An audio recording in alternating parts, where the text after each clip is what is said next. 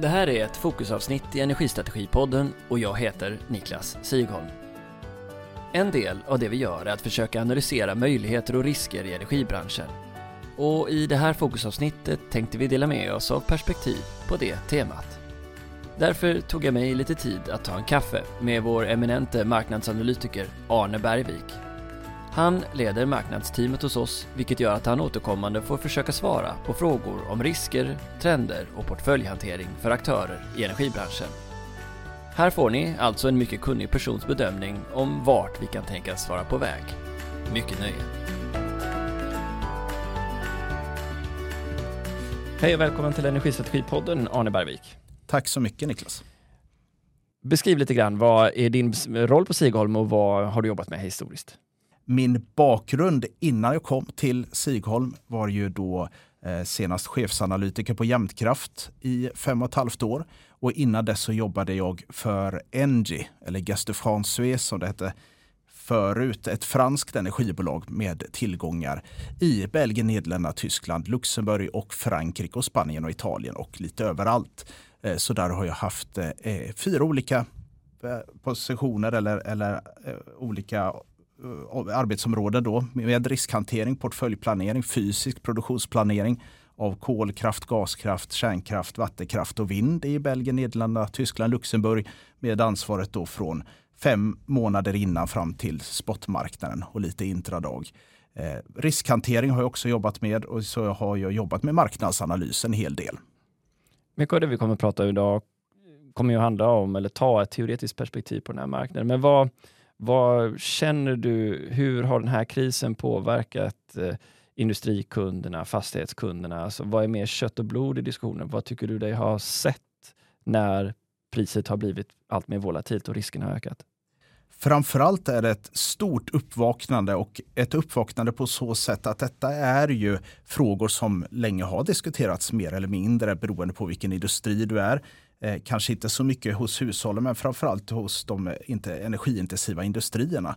Och nu så har det kommit upp till ytan på ett sätt. Så den här riskhanteringen som, eh, som har blivit väldigt viktig nu har ju förts upp som en kritisk punkt. Och det ser vi ju att detta är egentligen en existentiell fråga för många aktörer. Och då tänker jag mig lite som aktörerna som antingen eh, passiva eller aktiva agenter i energisystemet. Och där tror jag att vi har en väldigt tydlig fördelning mellan då den eh, mer passivt att, att man inte riktigt har haft den här insikten och har blivit då ett offer för omständigheter jämfört med den aktiva rollen som vissa stora aktörer framförallt har varit vana att driva att, att detta är eh, helt enkelt, vi sitter i framsätet på vår egen verksamhet. Detta är en exponering som sådana andra och därför så måste vi hantera den på ett pragmatiskt sätt utifrån situationen.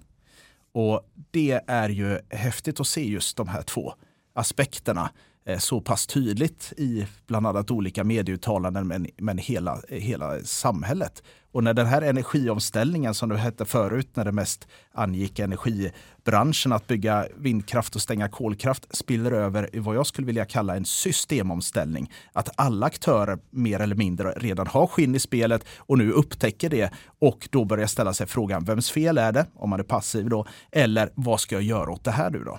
Om man är en aktiv aktör. Och den här överflyttningen från att vara eh, ett offer för omständigheter till att bli en medveten agent i energisystemet.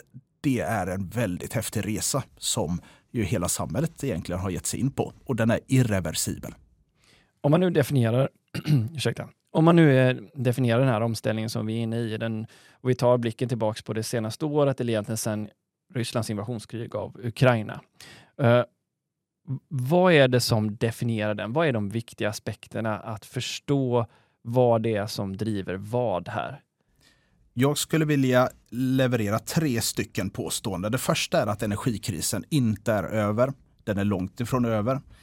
Den är inte nationell heller, utan det är ju den första internationella energikrisen, precis som IEA, International Energy Agency, eh, eh, skriver. Och sen så är den inte heller politiskt skapad utan har mycket mer fysisk förankring än vad som framkommer Eh, och jag skulle vilja sätta punkten för den här energikrisen till våren 2021.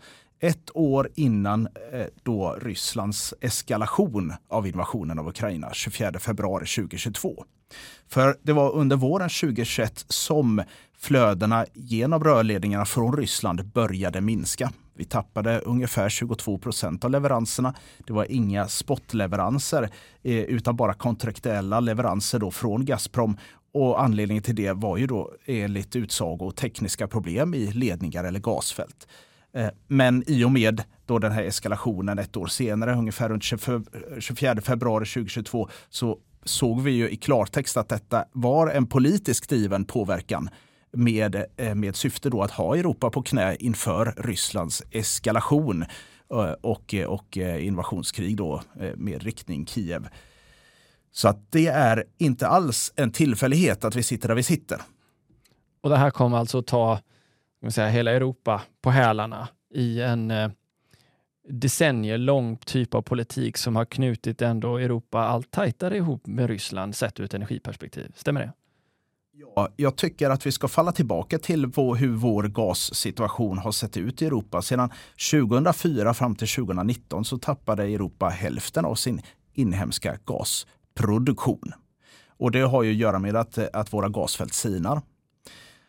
Så vill man bibehålla samma konsumtion men får mindre inhemsk produktion, då blir, då blir man ju per definition mer importberoende. Och en lämplig aktör då med mycket gas har ju varit Ryssland och därför har det fallit sig så naturligt att det är Ryssland som vår exponering har ökat mot. Men då kanske att vi inte har tagit höjd för den sängen vi har bäddat då och vem vi har tagit med in i, på den resan. Och nu så har vi svart på vitt att det nog inte har varit så bra att, att äh, sitta så djupt beroende av en, en kleptokratisk diktatur som det nog ändå har tyvärr har fallit till. Nu när vi har eh, rört oss igenom kanske de första vågorna av effekterna av den här invasionen, eh, vad har vi lärt oss? Vad tar vi med oss? Och vad ser vi framåt? Det är egentligen två stora uppvaknanden. Det ena är kanske lite mer existentiell. Gör vi rätt som demokratiska liberala ekonomier att handla då med till exempel Ryssland och Kina? Och det är en diskussion som pågår nu mycket i Tyskland. Att om Kina gör med Taiwan vad Ryssland har gjort med Ukraina, då sitter vi med skägget i en annan brevlåda. Så att vi, det har ju funnits en förhoppning om att eh, även, eh, även eh, kanske lite mer auktoritära länder skulle mjukna upp och bli mer demokratiska och mer liberala ifall vi hade en, en eh, ekonomisk utveckling och eh, en upp, öppning för handel med dessa. Men detta har ju kommit av sig. Och det är en viktig en nytänk som jag, tror, eh, som jag tror att vi har väldigt stor nytta av.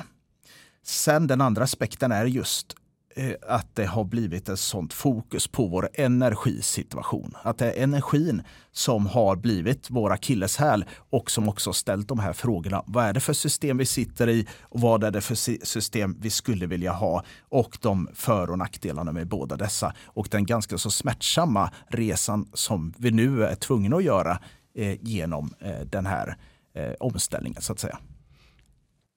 Ja, för gasen skulle ju bli det, den trappavsats, den, eh, det mellansteget vi skulle ha från kanske kol och olja till att vara mer förnyelsebara.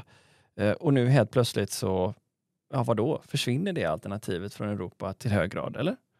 Ja, det har ju skyndats på i alla fall. Och eh, precis som du beskriver hade man ju tänkt sig att gasen skulle vara där, där, där Eh, Eh, bridge fuel då, eller överbryggningen mellan det fossila och det förnybara. Och fokus skulle först vara på att stänga kol, antingen genom att kolen då fasas ur sig själv genom de högre utsläppsrättspriserna eller genom direkta interventioner då som Tysklands kolutfasningsplan till 2035-2038 som är skriven i lag då.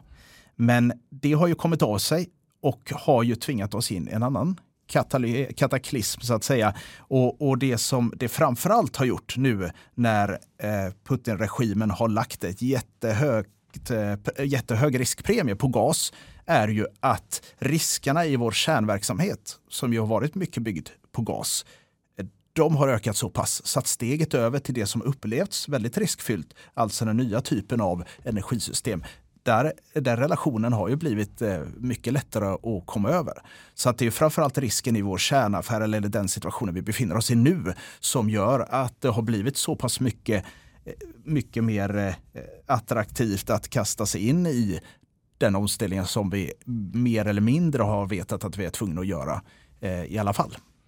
Så vadå, man har inte riktigt tillskrivit de här riskerna det inneburit att handla med auktoritära diktaturer tillräckligt mycket kostnader för vad de egentligen borde ha burit? Är det det du säger?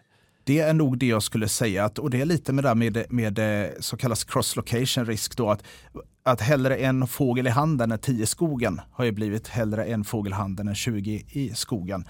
Och det har ju att göra med just att den här, den här prissättningen som vi haft har varit för låg. Och i ekonomiska termer pratar man mycket om externaliteter.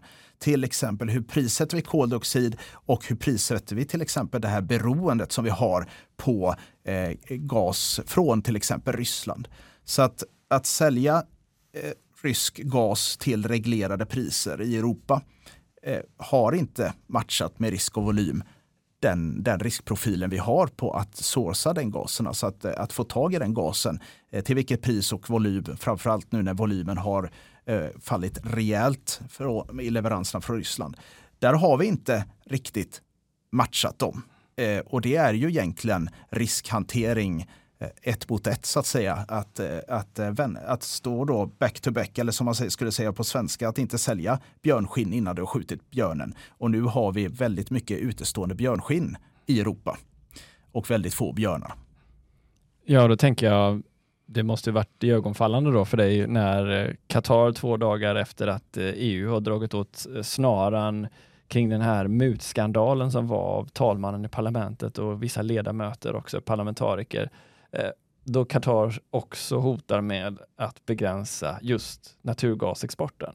Ja, och det är ju återigen lite beviset på hur, eh, på den situationen vi sitter i och den känslighet vi har, men som vi inte har prisat korrekt. För hade vi haft ett högre pris på, på den eh, cross-location-risken som vi sitter med, då hade vi nog, eh, nog tittat ännu mer på leveranssäkerhet. Och det har vi ju pratat mycket om på senaste tiden att leveranssäkerheten som har varit lite i skymundan sedan förra gången Ryssland vred av leveranserna vintern januari 2009 eh, till Europa. Då blev det själva katalysatorn för att vi ute i Europa skulle ta vindkraften på allvar.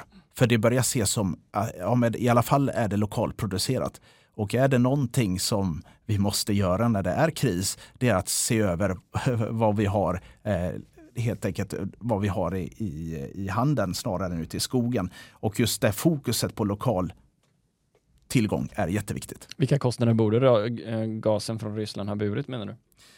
Ja, det är ju lite svårt att säga eftersom den, eh, tyvärr är inte den notan klar än. Men jag skulle säga att vi inte eh, har prisat delvis koldioxidutsläppen då vid utvinning, har inte korrekt prisats. Sen kan vi också säga att kostnaden för upprustning militärt kostnaden för kriget i Ukraina, kostnaden för att bygga upp Ukraina när kriget är slut och givetvis det mänskliga lidandet. Lägger vi på de externaliteterna på de ryska gasleveranserna så kan vi fråga oss om rysk naturgas någonsin har varit billig för Europa. Så de kostnader som vi har räknat på när vi använt den ryska naturgasen har nog inte varit rättvisande. Och det är väl själva grunden i den riskhantering som vi måste ägna oss åt och som vi har fått bakläxa på i Europa. Ja, för något år sedan eller två, då, då pratade vi ju mycket om det här med kapacitetsutnyttjandet inom kolindustrin och kol, eh, den koleldade elproduktionen och, och, att den punkterades vid en viss tidpunkt. Nu skedde det här som för då naturgasen, fast väldigt, väldigt fort och dramatiskt. Vad skulle du ta upp som de liksom, viktigaste marknadsindikatorerna på vad som hände när det gick så fort? Mm. Så en sak är ju just att kolkraften fått en liten revansch. Men på lång sikt så är ju ändå kolkraften på väg ut. Och där har vi ju de studier som, eh, som gjorts på när, att när fallerar en anläggning, när strandar en tillgång så att säga. Och typiskt för kraftverk är någonstans vid 48 procent nyttjandegrad. Att använder du kraftverket mindre än hälften av årets timmar, då är de fasta kostnaderna alldeles för höga jämfört med vad du får ut. Och det säger sig självt att ha eh, kraftverk med personal och med olika kapacitetsprenumerationer eh, som du inte använder det är inte en lönsam affär och, på det, och den trenden står fortfarande väldigt stark. Det som har hänt med gasen, är ju, eller gaskraften och hela gassystemet är ju att här har det blivit en mer abrupt eh, avslut snarare än den här långa smärtsamma eh, den nedgången som kolkraften har upplevt så har det skett väldigt, väldigt fort på gasen. Och just de efterdyningar som vi upplever, särskilt upp för oss i Norden då, framförallt genom eh, elpriset, som ju dras upp av det här djupa energihål som har skapats i Europa. Där är det ju en, en fråga som vi får ställa oss och det är ju spännande att se alla de här regionala initiativen i Sverige nu som det diskuteras i tidningarna om att till, till exempel Göteborg att här har vi 60 procent importberoende till Västra Götalandsregionen om tio år om vi ska få på plats de arbetstillfällen och den industrin som vi vill få på plats här så kommer vi ha en exponering på 90 procent av energin som vi ska använda i form av el måste vi importera. Och det är ju någonting vi har lärt oss av det här att vi ska ha fler fåglar i handen snarare än ute i skogen. För de fåglarna ute i skogen de gör oss ingen nytta. Ja, just det, du kopplar ihop det tillsammans även med elektrifieringen. Men om man då lyfter tillbaka det och tänker med Juniper, vad var det som hände med dem? För det var ju ändå en, en, en väldigt stor händelse i det här liksom, perspektivet. Ja, så det var ju i december eh, 2022, så bara för någon månad sedan ungefär, som Juniper nationaliserades av den tyska staten och eh, Fortum, då, den, den dåvarande ägaren, köptes ut efter ungefär tusen dagar ägandeskap. Och där är det ju just den här volymen, eller den här fysiska korta positionen som man skulle säga, som, eh, som Juniper hade i och med att, att man ställt ut då det som var gamla Rurgas affärsidé. Att sälja då rysk gas eh, till reglerade priser till slutkonsumenter i Tyskland till hushåll och liknande. Och då hände ju sig följande att den här varken volym eller prismässigt så kunde de riskerna som nu eh, eskalerade kunde inte överföras ner, nedströms. Så att när Juniper, tror det var, tappade 40 eller fick bara på tag på 40 procent av de volymer som var utlovade nedströms och fick köpa resterande till ett väldigt högt spotpris. Då blev det ju en förlustaffär och då finns det bara en väg att gå egentligen för en så stor eh, kritisk aktör och det är ju nationalisering eller någon typ av bailout. Ja, med tanke på hur stabil ändå branschen har varit i flera decennier får man ju säga att det just när det kom, att, att hantera sådana här risker är ju inte lätt. Eh, hur, ska man, hur ser du på det som har suttit med stora portföljer och hanterat risk? Eh, för det blir ju en, en, viktig fråga nu med tanke på hur elpriserna sett ut även ner på hushållsnivå för hela marknaden. Hur, hur ska man se på det här med riskhantering i energimarknaden nu? I grunden så är det ju egentligen en eh, väldigt, väldigt riskfylld bransch. För ibland så jämförs ju elpriser och, och, e, olika elavtal med till exempel att ha fast ränta eller att ha en försäkring på sitt hus och liknande. Och det är väldigt missvisande. För el i sin natur, om vi stannar då på elmarknaden, el i sin natur ska ju konsumeras och produceras samtidigt i störst utsträckning. Vilket gör att även om det hade gått om tillgång i effekt och el för en timme sedan så hjälper inte det dig ett dugg den här timmen. Och det är ju lite svårt att förstå. Eh, och jag läste i, tror det var Aftonbladet i, i helgen, så var, gjorde någon en liknelse med vattenflaskor. Att om en maratonlöpare vill jättegärna köpa en vattenflaska och betala högt för det så påverkar det pris på vattenflaskor överallt. Jo, men på elmarknaden är det ju den vattenflaska som maratonlöparen vill ha som du vill ha eh, egentligen. Så det är ju därför priset blir så högt. Så att el bygger ju då delvis på sin, sin inneboende volatilitet att precis som en blixt går från himmel till mark så måste också elen produceras och konsumeras samtidigt. Plus att bränslena till sin del, kol och gas framför allt, och även utsläppsrätter som till stor del förklarar även historiskt priserna i Sverige och i Norden dessa är råvaror eller energiråvaror som är de bland de mest volatila råvarorna. Och råvaror är ju betydligt mer volatila. Till exempel är det ett banklån. För att i banklånet är det ju cost of carry, eller kostnaden att bära en finansiell ex eh, exponering som är den enda kostnaden egentligen. Medan när det kommer till råvaror då är det ju den fysiska utvinningen plus då konsumtionen som ofta inom energi kastas mellan olika säsonger och mellan olika, då, eh, olika externa påverkan. Typiskt då för el är det ju just temperatur. Så i och med att de här riskerna nu har blivit blottlagda och det är klart för alla, hur påverkar det här aktören i energisystemet som du ser det? Ja, det är ju givetvis en tuff situation för många hushåll, företag och industrier och det saknas ju inte bevis på detta. Men samtidigt så påverkas ju de olika aktörerna, om det nu är företag eller industrier eller hushåll, väldigt olika beroende på fall till fall. Och det är då det blir intressant. Så rent pragmatiskt så ska man nog fråga sig vad man själv kan göra. Och i mångt och mycket har ju energikrisen väckt liv i en del av de här gamla sanningarna. Som man bäddar får man ligga till exempel, eller var och en sin egen lyckas smed. Och jag tror att det är en väldigt konstruktiv och eh, pragmatiskt sätt att angripa den här situationen.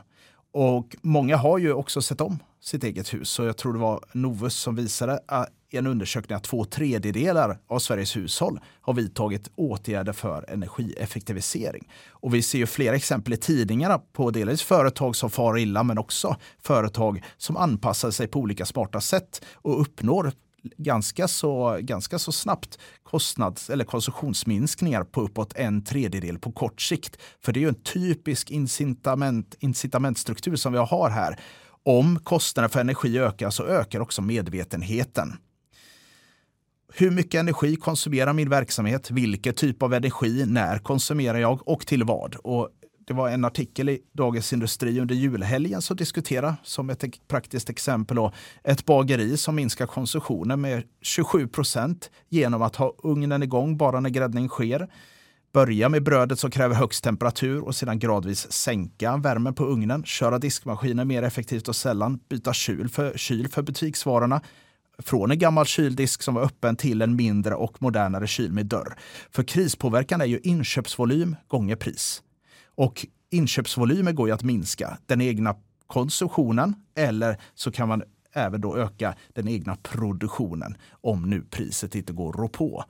Så det är mycket av de här frågorna som ställs nu är ju helt enkelt en, ett uppvaknande så att säga och den medvetenheten är ju irreversibel och den och det är ju förståelsen för den egna situationen som är viktig här. Ju mer du vet om dina egna exponeringar, desto bättre lämpad är du att eh, på eget sätt då förtöja för storm, som vi kallar det i riskkonceptet. Se över sin situation och vidta de åtgärder, både för eh, på det kort sikt då, inför eh, den här, slutet på den här vintern och nästa vinter, men också på lång sikt. Var vill jag befinna mig? Vad tycker kunderna att jag ska befinna mig? Vad kommer vara hygien? Och de här kostnaderna, hur hanterar jag dem?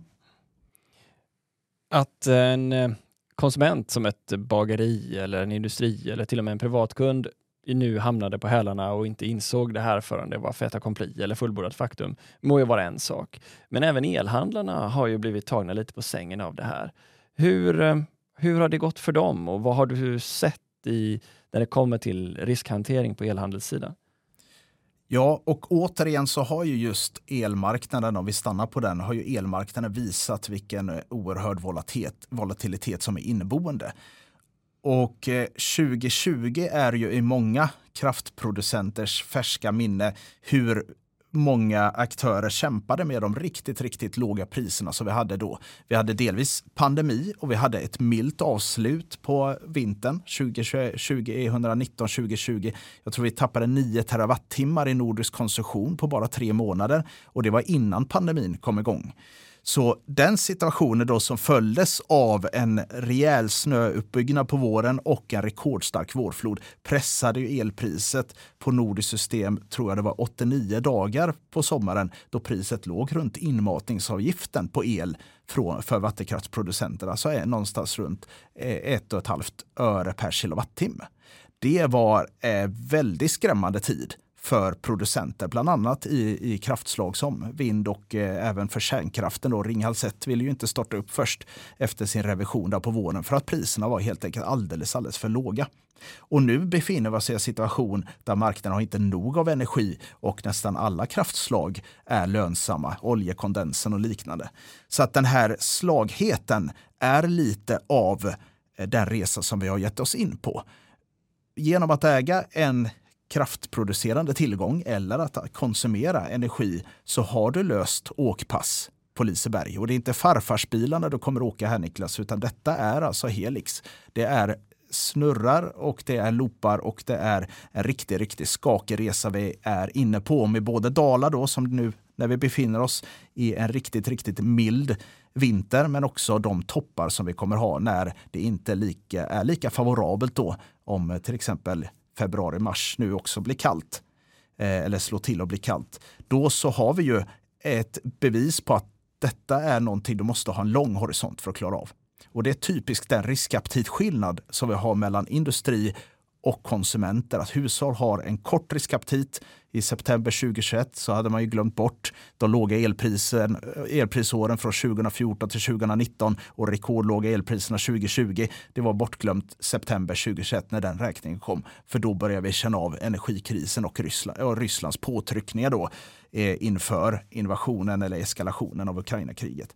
Så att där har vi egentligen den riskaptiten att vi måste också behålla ett långt perspektiv och de industriella kunderna eller är ju lite mer långsiktiga där. Man jobbar med fysiska säkringar, men nu då när likviditeten på den finansiella marknaden har kollapsat egentligen och nästan torkat upp, då är det ju mer bilateral och fysisk riskhantering. Om jag inte kan förse mig med den kraftproduktionen som jag behöver finansiellt, ja då går jag det mot bilateralt eller mot att bygga den kraftproduktionen själv. Och det händer i mycket hög utsträckning och inte bara i Sverige utan även i Belgien. Eh, när jag var där nere i mars och träffade gamla kollegor så var det just en av dessas roll eh, och han ledde då ett team på åtta stycken projektledare som satte upp enskilda vindsnurror eh, på gården hos enskilda företag då och kunde på så sätt täcka upp till 60 procent av deras konsumtion. Så att det är den typen av riskhantering som vi går in mot. Ja, men jag för det tillbaka till själva elhandlarna då, för det har ju funnits mer än en som har handlat över sin egen produktionsportfölj. Hur fungerar den modellen idag och hur har det påverkat elhandelsmarknaden som du ser det? Ja, den har ju inte fungerat särskilt bra i början av krisen. Sen har det ju skett anpassningar med till exempel att man eh, att prisvikta då den här obalanskostnaden eller prisvikta då de här profilkostnaden som är ju avvikelse från hur du har säkrat finansiellt i olika klipp då eh, den här konsumtionen jämfört med hur konsumtionen ser ut. Alltså mer konsumtion på dagen och mindre på natten. Eh, typiskt. Och dagspriserna är högre än nattpriserna och den här profilkostnaden har ju varit alldeles för lågt tilltaget. Så att där har det ju skett en mognad och den är ju nog också irreversibel på så sätt att jag tror inte vi går tillbaka till lika mycket utfästelser att det är så här vi tror att, att, att riskerna ligger inom en normal distribution eller, eller ett typiskt spelteoridiagram. Utan nu kommer vi vara mer, mer eh, öppna för det som kallas då eh, fat tail risks eller riskerna längst ut på kanten som oftast diskuteras när vi kommer till Eh, begrepp om, om eh, de verkliga riskerna som finns i, i verkligheten. Så att säga. Så då översätter jag det till allt svårare att säkra sin, sin elkonsumtion över tid. Du måste ha mer egen produktion egentligen oavsett vem du är på marknaden. Um, och du vill ha en högre marginal från dina produkter för att risk, den inneboende risken är högre. Fångar jag det rätt då? Ja, en mycket högre marginal och, och det har vi ju redan sett. Eller en mer, eh, mer riskspridning, mer dynamiska variabler i fastpriskontrakt till exempel. Eller helt enkelt ett större behov av att ingå i någon typ av portfölj. För portföljen har ju alltid den styrkan att ju fler verktyg och volymer och profiler du stoppar in i en portfölj, desto bättre riskspridning har du. Så den typen av dynamiska eh, profiler och dynamisk riskhantering blir mycket, mycket viktigare. Eh, I alla fall om man ska våga ställa ut någon typ av fastkontrakt och någon typ av eh, då ramverk för, för att det här är det där din elkostnad kommer att ligga i framtiden. För just nu är ju läget väldigt, väldigt riskabelt och det ser inte ut som den här resan är över på länge. Ja, om man eh, lyssnade på um, elprisprognoser för tio år sedan var de ju väldigt hydrologiskt drivna. Det vi hade på, i våra vattenmagasin och hur stor nederbörd och snö vi hade haft kunde indikera ganska väl hur vårt elpris såg ut. Och nu helt plötsligt så ökar komplexiteten ur ett internationellt perspektiv, ut, ur ett europeiskt perspektiv, ur ett nationellt perspektiv. Vart är vi på väg sett ur det perspektivet? Hur ska man för, förstå det? Ja, komplexiteten kommer att öka och det är tydligt. Eh, den här diskussionen om hydrologi eh, störde jag mig lite på när jag var i Belgien och jobbade med eh, då marknadsanalys, att det var så dominerande i Norden. För det är ju inte den rollen i meritordningen som hydrologin spelar. Om vi tittar på prissättningen. Så det första jag gjorde när jag flyttade hem till Sverige det var just att plotta på olika eh, olika då granularitet eller dagar, veckor, månader. Plottar jag då marginalkostnader för kolgas, då där vi bakar in kol, kolpriset, gaspriset, utsläppsrätterna eh, och jämförde med systempriset. Och mycket tydligt så ser vi att vad vi kallar, eller vad jag kallar den absoluta prissättningen, det är vad kostnaden att producera elen sätter priset på el över tid. Där hydrologin påverkar mest om det är ett riktigt torrt år, om en hydrologisk balans mot minus 25 eller riktigt vått år, alltså någonstans över 15 terawattimmar överskott då i magasinsnivåer eh, och i magasin eh, och, och snö och grundvatten jämfört med säsongssnittet. Det är då som vattenkraften har en stor prispåverkan. Annars så är det den absoluta prissättningen på el som bestäms av marginalkostnad för kol och gas ute i Europa. Och därtill kan vi ha den här relativa avvikelsen som påverkas då av väder baserat. Om det är kallt driver det konsumtionen eller om det är blåsigt så driver det produktionen från vind. Om det är regnigt så driver det produktionen på lite sikt med, med vattenkraften och liknande. Så att där, den absoluta prissättningen är viktig att hålla reda på och sen till det har vi den relativa prissättningen. Och den här relativa prissättningen, den faktorn ökar ju ju mer vi nu går mot de energislag som är de mest konkurrenskraftiga att bygga. De bränslefria energislagen som alltid har ett övertag över bränsledrivna termiska energislag. Och det är just det som är en spännande diskussion. Det ofta så hör man vad ska vi göra när det inte blåser eller när solen inte skiner. Jag skulle ställa om den frågan och säga vad ska vi stoppa de termiska kraftslagen när solen skiner och när vinden blåser? För det förekommer ju oftare att vinden blåser än att den inte gör det om du tittar på havsbaserad vindkraft till exempel. Så det är den rätta frågan och där har vi någonstans 48 procent kapacitetsutnyttjande. Sen går vi in i dödszonen för termiska kraftslag. Då måste ju den här frågan om solidariteten i Europa och sammankopplingen mellan eh, de olika ländernas energisystem också varit lite främmande för dig under hela den här eh, krisen då den ändå har kommit upp till ytan om huruvida vi ska ha en enbart svensk prissättning eller ja, en som vi ska ha förbindelser till Europa. Ja, i ett portföljhanteringsperspektiv så är det ju fler verktyg du har i portföljen, desto bättre är du på att hantera risker. Där kan vi ta Frankrikes monokultur som inte alls har, legat dem, har hjälpt dem under den här energikrisen. Och så kan vi ta till exempel då eh, de här aktörerna som vi redan nämnt som kanske har egen produktion som ju faktiskt har ett mycket bättre utgångsläge. Inte för att deras egna produktion löser allting, men det löser en del av det. Och löser man många bitar eller har man många verktyg som var och sig spelar roll i, den, i helhetslösningen, då, då angriper man ju sättet på rätt. Då angriper man detta på rätt sätt. Eldistribution eller transmissionsnäten är ju en väldigt viktig del i lösningen på den här intermittensen, alltså den variationen vi kommer få från vind och sol och som vi redan har i konsumtionssidan med temperatur.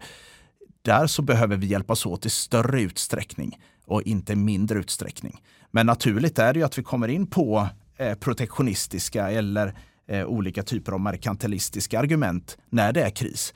Att om jag bara förser mig själv så har jag löst mitt problem, även om det sker på bekostnad av andra. Och där diskuteras det väldigt mycket om eh, welfare distribution eller välfärdsdistribution. Att om vi sänker priset i Sverige så kommer vi konsumera mer i Sverige och det är ju konsumtion av energi som en aktör ute i Europa hade haft mycket större nytta av. Och tydligt till exempel som eh, The Economist studie över Spanien visar att eh, samtidigt som hushållen minskade sin gaskonsumtion så, eh, så infördes ju subsidier då för, för gasen som gick till kraftverk och kraftverken ökade sin elproduktion. Så att överlag, över generellt sett så var det 1,4 procent ökning totalt sett på grund av de subsidierna som, som eh, ingick då i, eh, för gaskraften. Så i ett krisläge så ökar gaskonsumtionen, lite förenklad bild. Men där kan vi konstatera att det är väldigt, väldigt svårt att intervenera på en marknad och inte påverka jämviktspriset och jämviktsvolymen. Så varje angrepp på symptomen alltså av den här krisen, alltså att energikostnaden är hög, Eh, stimulerar ju konsumtionen på ett eller annat sätt. Eh, och det är ju alarmerande att vi har lagt så mycket pengar. Jag tror Economist sa att vi har lagt mer på eh, e, olika typer av elkostnadsstöd i Europa med vad vi har lagt under samma tid på utbildning i Europa. Och det är ju väldigt illa då eftersom två tredjedelar av de här stöden har varit utan någon typ av premiss. Det har alltså bara varit då kortsiktiga lösningar. Och där har vi ett till talesätt. Om du, lär en man, ja, om du ger en man en fisk så är han mätt för en dag. Om du lär honom fiska så är han mätt för resten av livet. Och just nu ges, ges det ut väldigt, väldigt mycket fisk i Europa. Ja, just det. För det här, eh, de eh, interventioner som kommissionen har kommit med här nu vad gäller att eh, ja, minska eh, spetskonsumtionen, men också att bryta vad som är marginalprissättande, åtminstone sätta en cap på den. Det i sig förändrar väl inte den, den underliggande liksom, problematiken i vad krisen består av, eller? Nej, det gör ju inte det. Så den underliggande problematiken är ju att vi har sinande gasfält, blivit mer beroende av Ryssland nu när ryska leveranserna faller bort så blir vi mer exponerade mot världsmarknaden för naturgas och de volymerna är ju egentligen redan bokade för att gå till Asien. För Europa är ju en liten spelare när det kommer till import av flytande naturgas i världen. Utan det är Asien du har de största aktörerna och där ser vi att prisöverstämmelsen är väldigt, väldigt tydlig mellan då eh, priserna i Asien, japansk-koreanska markören till exempel, och priserna i Europa om vi tittar på Tighter Transfer Facility i Nederländerna den, det är en väldigt, väldigt eh, starkt kausalsamband för att vi har en budstrid om samma volymer. Och det är en av de här punkterna som vi ska ha med oss när vi bedömer då varaktigheten i den här krisen. Att kommer de asiatiska köparna fortfarande vilja ha sin naturgas och därmed hamna i, i budstrid med oss? Ja, det är ju, ett, ett, eh, det är ju en, eh, ett beteende eller en situation som vi har sett växa fram under många år kommer vi också ha ett problem med Ryssland som leverantör av gas till Europa? Ja, det tror jag att de flesta kan konstatera att vi har inte blivit eh, vänligare inställda till Ryssland utan snarare tvärtom nu då när vi ska skicka pansarvagnar till Ukraina också. Ytterligare en fråga som har blivit en förflyttning och tror jag en, en i samhället i stort är den om skillnaden mellan energi och effekt. Där effektproblemen har blivit allt mer tilltagande. Vi har ett överskott på energi men ett underskott på effekt även om, om den situationen nu blir, blir allt svårare för Sverige, givet att konsumtionen ökar hög i snabbare takt än vad eh, produktionstillgångarna eh, kommer in på marknaden. Hur har det sett ut och vad är vanan, om du som har en europeisk utblick, är att hantera den typen av risk på marknaden? Ja, och det här är ju en spännande frågeställning för det som oftast kallas populärt eh, elbrist i Sverige, det är ju en effekt problematik som vi har. Det är inte energibrist. Vi exporterade ju 33 terawattimmar 2022 och var ju Europas viktigaste eh, exportör av el. Så att vi har ju ingen energibrist eh, i den bemärkelsen. Men däremot har vi en effektbrist. Och båda dessa begrepp sammanfattas då som elbrist och så beskyller man marknaden för att inte vara funktionell. Det är ju lite modifikation eftersom det är en Energy Market Only-marknad sedan 1996. Eh, och för effekt så saknas det ju en hel del marknadsplatser. Och de länder som kommit längst där, bland annat eh, England, brukar lyftas fram i det sammanhanget, har ju en bättre möjlighet att släppa in olika smarta lösningar för att vi vet att de här lösningarna är oftast utspridda i samhället. De är små men eh, i sammanhanget men betydelsefulla för de enskilda aktörerna och det måste finnas en lönsamhet här. Eh, och där så händer det ju väldigt mycket. Och det är ju när du sätter ett pris på ditt problem och erbjuder och släpper in andra aktörer att lösa det, det är då som du verkligen kommer någonstans enligt det tankesättet vi har. För eh, en hel del av de argument som lyfts fram i andra sammanhang kommer ju från egentligen källor som är längre bort från marknaden än vad jag tror att man behöver för att kunna förstå den här komplexiteten. Och dessa är typiskt aktörer då som, som vill införa någon typ av reglering eller gå in och fixa allting. Och jag brukar säga att det, det är att de som har de bästa lösningarna, det är de som är längst bort. Så ju mindre du vet om en sak, desto mer, eh, eh mer eh, handbegripligen skulle du kunna lösa det om du bara fick eh, chansen. Då. Och jag har en del, eh, en del erfarenhet av bland annat eh, någon, en helg då jag satt och skulle bjuda på eller nominera överföringskapacitet bilateralt från Tyskland till Frankrike och från Tyskland till Nederländerna. Och det var inför en lördag, så detta satte jag på fredagen och gjorde. Och det var på den tiden som överföringskapaciteter från Tyskland inte ingick i marknadsalgoritmen i eh, Central Western Europe. Europe då. Eh, och då var det en dag, lördag, låg konsumtion. Låg konsumtion innebär ju då oftast att, eh, att eh, Tyskland hade lite lägre priser och så var det ju rejält, ett rejält lågtryck som drog in så det skulle vara mycket vindkraftsproduktion och Tyskland hade ju mest utbyggt vindkraft. Så då så eh, tänkte jag att ja, men det här kommer bli lägre priser i Tyskland, högre i Nederländerna och Frankrike. Så då nominerar jag ju överföringskapacitet från Tyskland till Nederländerna och från Tyskland till Frankrike, vilket var ju väldigt bra gjort då eftersom som lördagen föll ut med Tyskland som ett lägre pris. Sen inför söndagen, när jag satt på lördagen med de här resultaten och tittade på söndagen, då skulle det blåsa ännu mer och söndagar i Tyskland. Och det, söndagar har ju ännu lägre konsumtion än eh, lördagar. Så då nominerade jag ännu mer kapacitet från Tyskland till Nederländerna och från Tyskland till Frankrike. Men eftersom precis varenda kotte i mina kläder gjorde samma sak så blev Tyskland den högsta marknaden. Då blev det alltså förlustaffär att föra över el från Tyskland till Nederländerna, från Tyskland till Frankrike. Eh, så där kommer man ju in ett väldigt komplext eh, tankesystem att om jag själv ska bestämma var de här elflödena ska gå så måste jag ju först tänka på hur tror jag fundamenta ser ut. Men sen ska jag tänka på hur ser andra personer fundamenta och så ska jag göra tvärtom. Eh, och med om de gör det, då ska jag göra egentligen som det skulle vara. Så att det blir en hög komplexitet så att det, den, här, den här algoritmen och den här komplexiteten som vi lägger på då genom att ha en spotprisalgoritm, det, den är ju väldigt, väldigt välkommen. För det går inte att som enskild aktör ha den överblicken eller ha den, ha den, eh, sitta på den lösningen som, som jag tycker faktiskt lyfts fram en hel del. Och nu flyttas vi från spotmarknaden mer och mer mot leveranstimmen på grund av att när vi nu bygger ut mer eh, variabla energislag för att det är den snabbaste lösningen på det problemet som vi sitter med just nu, så ökar vi intermittensen och då ökar vi också behovet av den insikten eh, du har, eh, som, eller som klarnar för dig ju närmare leveranstimmen du kommer. Så att vi kommer gå mer mot intradaghandel och liknande. Och likadant där på Engie så började vi med intradagshandel 2009 och det började väl egentligen med att vi hade... Alltså samma dag Alltså, det handlas på samma dag. Det är inte dagen före marknaden. Alltså, bara förklara vad Jajamän, precis. Så mm. dagen före marknaden är ju de olika aktörerna som skickar in buden till en algoritm, till en marknadsplats. Och någonstans runt 12 så stänger budgivningen och sen så räknar den här algoritmen ut utifrån överföringskapacitet mellan olika länderna som då eh, ingår i algoritmer istället för att varje aktör då skulle sitta som, som jag fick göra då eh, och, och buda efter eget huvud. Så går det in och blir mycket mer rättvisande. Och den algoritmen är ju väldigt, väldigt bra att ha. Så den typen av marknad och, och, eh, och, och prisberäkning som får, får lite oförtjänt mycket eh, negativ uppmärksamhet nu är ju, är ju faktiskt väldigt, väldigt viktig om du sitter nära den.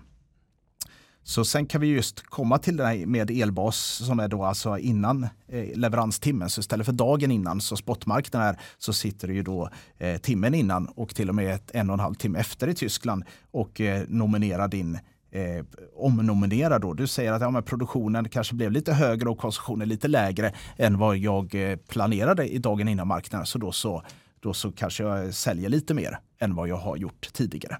Så den typen av justeringar kommer ju bli viktigare.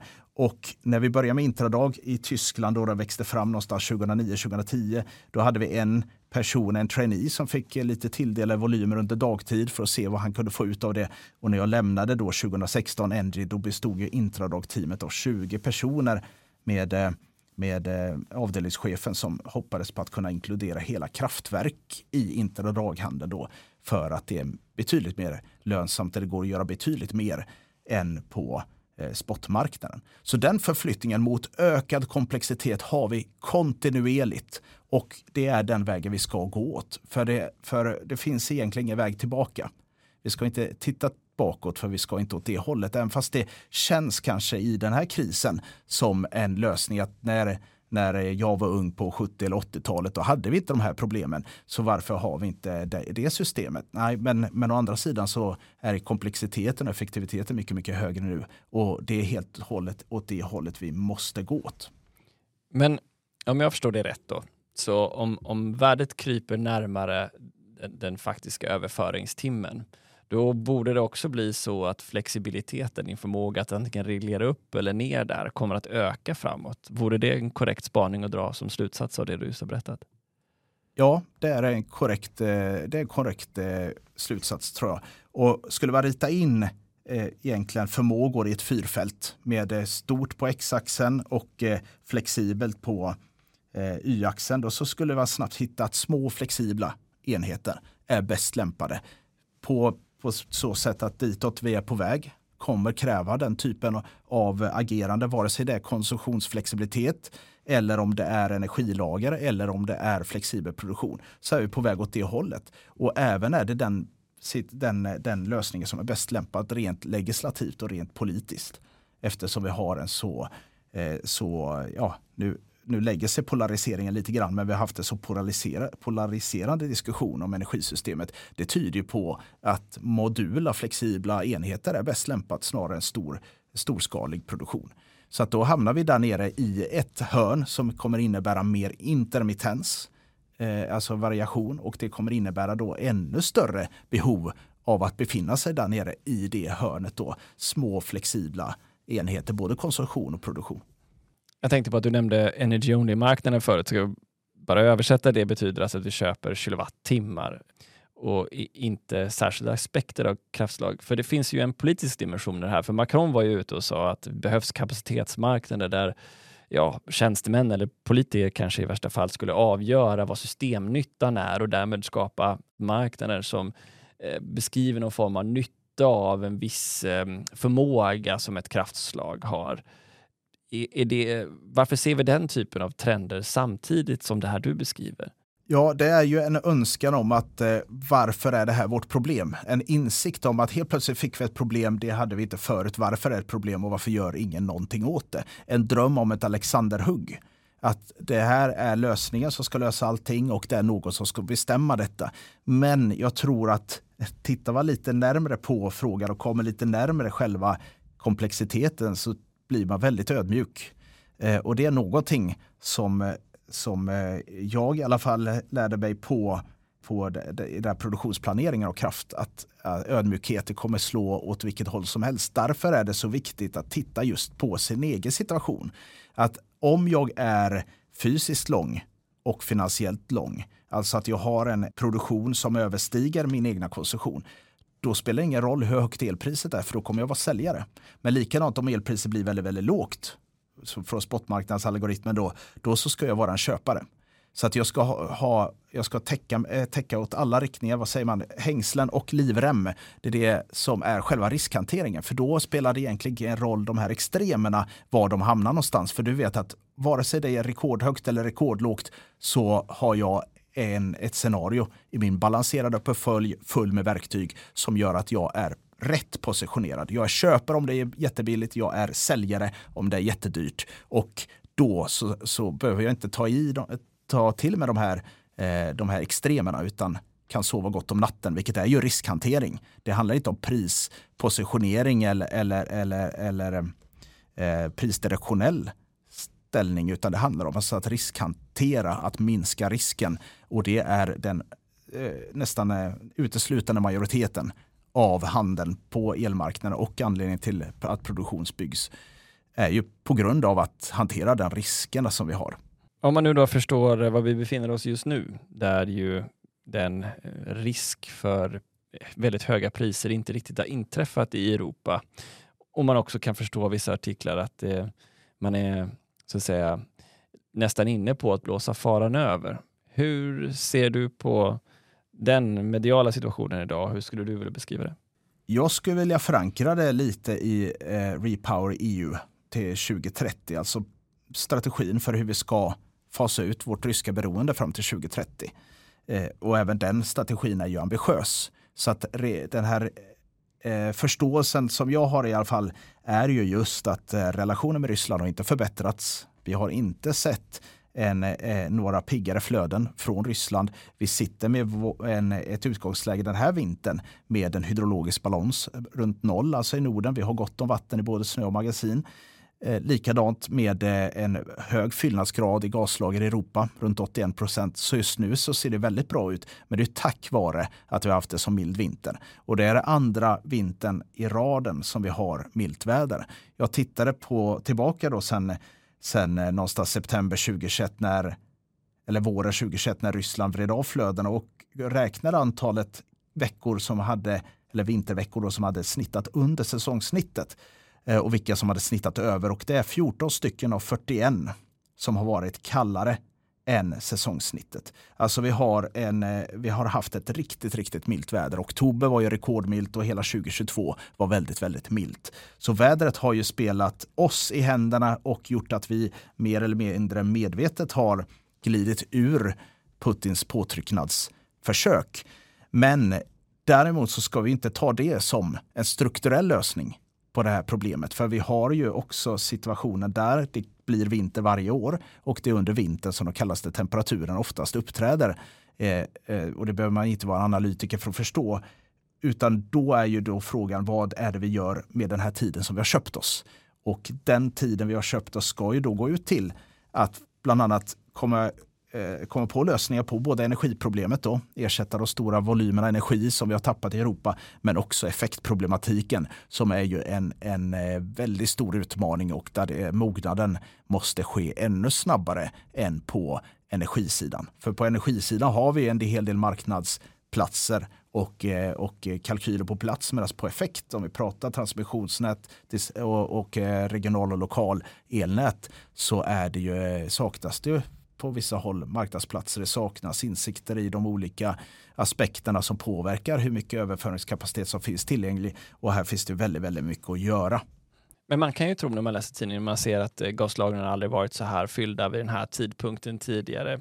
Att man kan tänka sig, ja men då räcker ju det. Då har vi ju klarat oss igenom den här vintern. Kan vi inte bara spara över till nästa vinter? Så kanske många tänker. Hur, vad är den mer sanna bilden bakom det, tycker du? Ja, och det, där gör vi oss själva en björntjänst. För det, för, för eh, om man tittar på den eh, säsongssnittiga utnyttjandet av gaslager så motsvarar det 10 procent av vår konsumtion. Eh, och om man tänker på vad vi, skillnaden då mellan vad vi brukar ta ut vad, nej, ur gaslagren från att de är fulla. Och titt, skulle vi använda gaslagren fullt ut, då skulle det motsvara kanske 20 procent av vår konsumtion.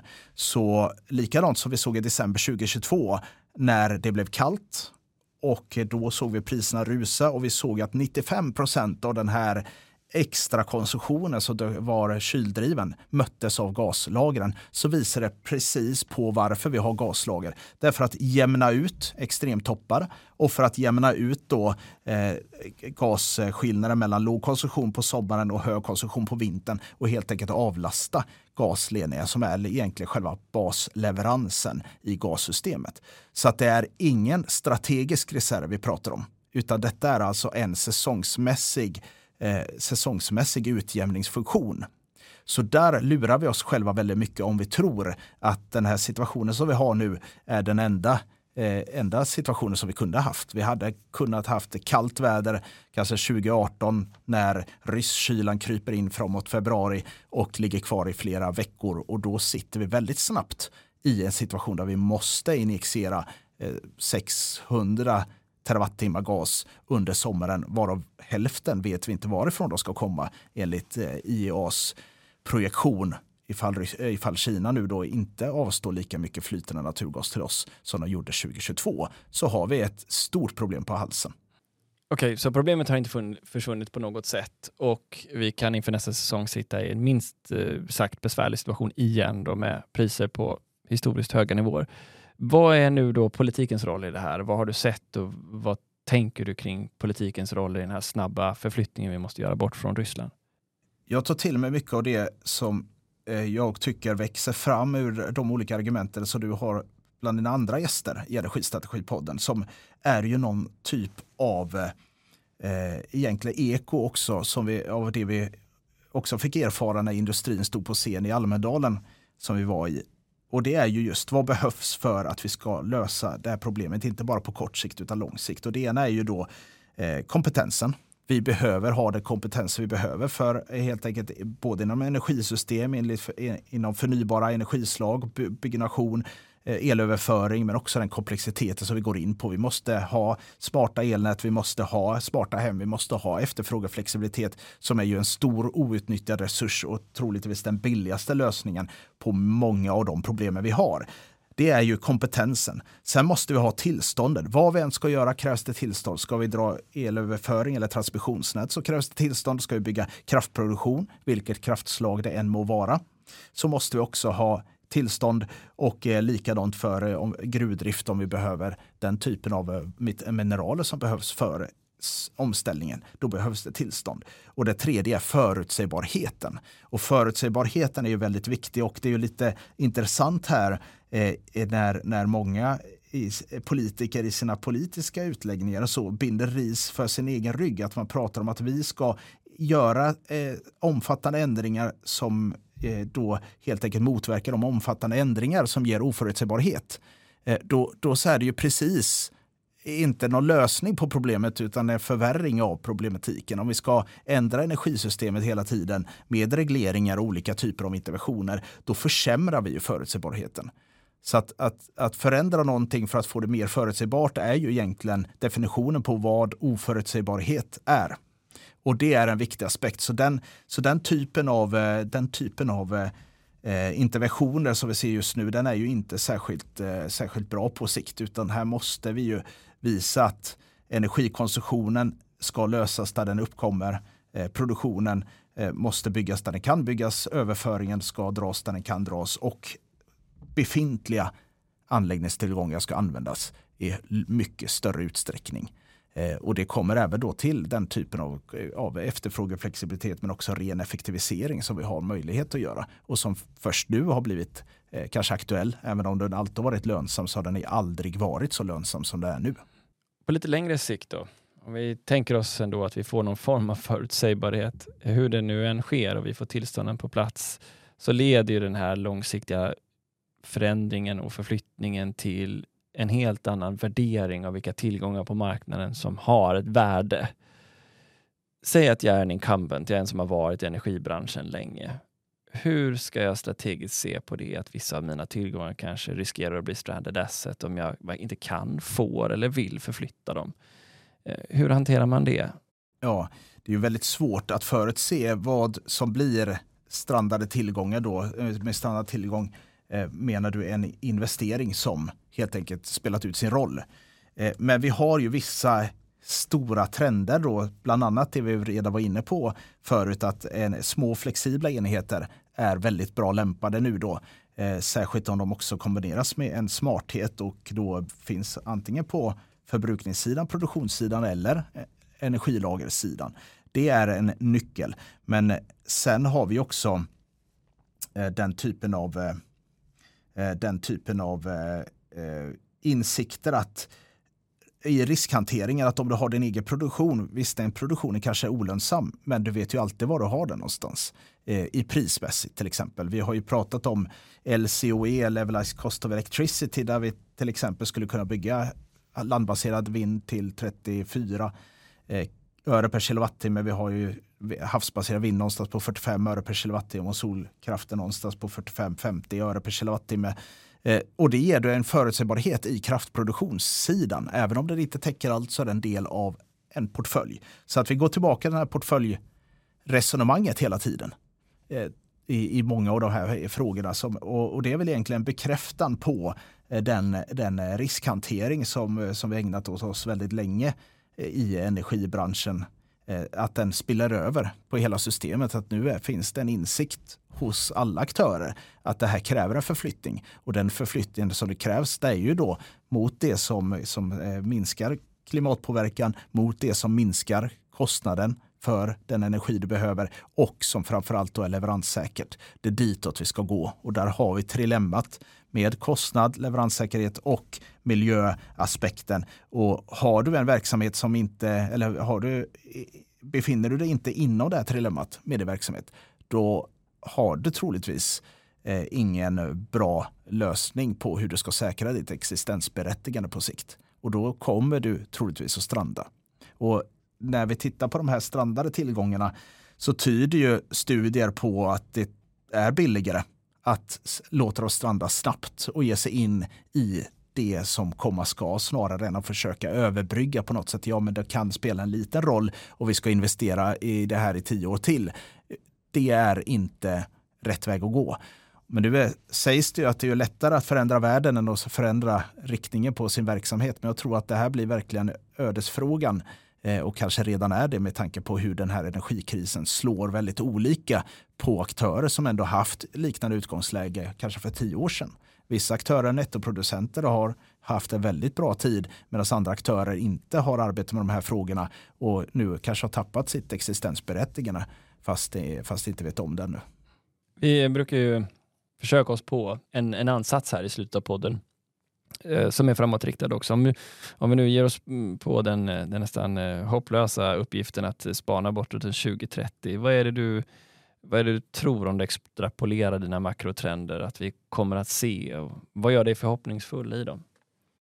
Det som gör mig förhoppningsfull är alla de här smarta initiativen och alla de här häftiga lösningarna som vi också kan lyssna på i Energistrategipodden. Att alla den här eh, Eh, alla den här eh, lösningsorienterade diskussionen och alla briljanta människor som får träda fram och faktiskt driva igenom sina lösningar som på en gång nu är både kanske samhällsmässigt lönsamma, skapar mer välfärd, minskar energikostnader, minskar exponeringen mot energikrisen och minskar även miljöpåverkan oftast och är mycket, mycket lönsamma. Den typen av, eh, av Eh, förslag och utveckling är ju väldigt, väldigt, väldigt häftig. Och det gäller ju att släppa ut mer av den på och applicera bland annat på effektproblemet. Det är ju det vi måste göra och eh, det är många som går före där det tycker jag är det mest spännande. Sen så finns det ju en eh, farhåga i att hela den här förflyttningen anses för riskfylld, även fast jag skulle säga tvärtom, att, befinna, att stanna kvar där vi är idag är väldigt riskfyllt, så, så, så är det ju, finns det ju röster som säger att nej, men vi ska inte alls gå framåt. Vi ska inte utöka vår elkonsumtion, utan ställa in de projekten. Vi ska inte Eh, bygga ut eh, vår, vår produktion. Vi ska kapa kablarna utomlands och vi ska gå tillbaka till någon slags, eh, slags 70-tal kanske i, i den aspekten. Och, ja, det, där, fin, där finns det en rädsla som jag tror eh, att man får ta på ansvar eller ta på allvar. Men jag tror ändå att det finns eh, ett behov av att rapportera mer av de här smarta lösningar som verkligen, verkligen tillför nytta på kort sikt och att våga satsa på dessa. Att våga allokera resurser till en, den, den utveckling och den riktningen, den generella riktningen som vi vet att vi är på väg utan att riktigt veta vad vi kommer att skörda neråt, eh, neråt eh, eh, vägen där. Det tycker jag är spännande. Och eh, den typen av diskussion som vi upplever nu eh, när det är energikris där tycker jag att man gör sig själv en tjänst om man ställer sig frågan hur skulle den här typen av marknadslösning sett ut ungefär 2020 eller 2013? Det ska inte bara vara en lösning som räcker under några månader när det är höga priser utan det ska vara en lösning som räcker under 30-40 år kanske framåt. Eh, och jag tror att efter nu valet som vi hade i september så har ju mycket av den här polariseringen börjat lägga sig.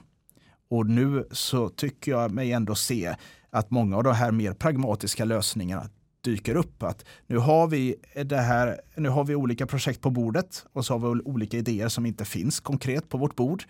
Hur ska vi fatta beslut? Ja, vi får titta på det vi har utifrån den situationen vi befinner oss i och göra det bästa av den situationen istället för att eh, Eh, försvinna iväg i idéer som kanske någon gång blir en lösning men som då mycket väl är välkommet att vara en del av lösningen om den har en, en kostnadsläge eller teknisk, eh, te, tekniska karaktäristika som då gör att den är en del av eh, eh problemlösningen i systemet. För jag, och där är det viktigt att vara just ödmjuk. Att det här är så mycket som rör på sig på så många håll som vi inte riktigt känner till. Men den generella trenden, den vet vi. Den vet vi precis vad, vad det är för typ av symptom vi kommer se. Så även om vi dras delvis skrikande igenom den här förändringen alltså, så kommer den som övergripande kraft att slå igenom i vilket fall som helst? Ja, precis. Jag brukar ju säga det att, att eh, eftersom det är så pass eh, konkurrenskraftigt att bygga bränslefria energislag eller kraftslag eh, som ju alltid kan producera billigare än bränsledrivna Eh, termiska energislag så, så kommer vi fortsätta att göra detta. Så vägen tillbaka, då måste vi förbjuda grannen att sätta upp solcellspaneler. Vi måste förbjuda elbilsladdning, vi måste förbjuda vindkraft. Och det ser vi att det är ju den absoluta majoriteten av det som byggs i världen. 90, 95 procent tror jag IEA sa 2021 av den nytillkomna kapaciteten är förnybara kraftslag, sol och vind. Det innebär ju då att vi, eh, precis som du sa där, att vi kommer dras mer eller mindre skrikande genom den här systemomställningen. Eh, och hur mycket vi får skrika beror ju på hur snabbt vi är på, snabba vi är på att få pla på plats bland annat den här regelmässiga eh, aspekten som ska dit. För det är tre saker som gör att tillgångar strandar eller som gör att vi har problem här. Det är regelmässiga, ekonomiska eller fysiska begränsningar. Och just nu så är de regelmässiga eller, eller, eller politiska aspekterna det är det som sitter i baksätet. Vi måste få på plats marknaderna som ska eh, lösgöra de här smarta marknadslösningarna som finns eh, i, i, olika prost, provstadier och kommit olika långt. Vi måste få på plats den, den förutsägbarheten och den typen av, av incitament där om du till exempel tillför en effektnytta som hjälper hela samhället och du tillför den där det behövs som mest, alltså längst ut i kabeln, då ska du också få eh, del av den nyttan du tillför. Eh, systemet. Inte bara energimässigt utan även effektmässigt. Det är de typen av aspekterna vi ska få på plats. Och det kan mycket väl vara så att, eh, att eh, de aktörerna vi har idag har en roll att spela där. Men det är också troligtvis också så att många nya aktörer som vi inte känner till kommer fylla en väldigt, väldigt viktig funktion. Och där så kommer vi återigen till den här, den här eh, platoniska egentligen Eh, ödmjukheten. Att jag vet inte vad som ska komma, som, som kommer och jag vet inte hur det kommer se ut. Men bara genom att ha den inställningen så har jag kommit mycket längre än någon som påstår att det är så här det ska vara. Kul att du kom till eh, podden Arne. Tack för att du delade med dig av din kunskap. Tack så hemskt mycket Niklas.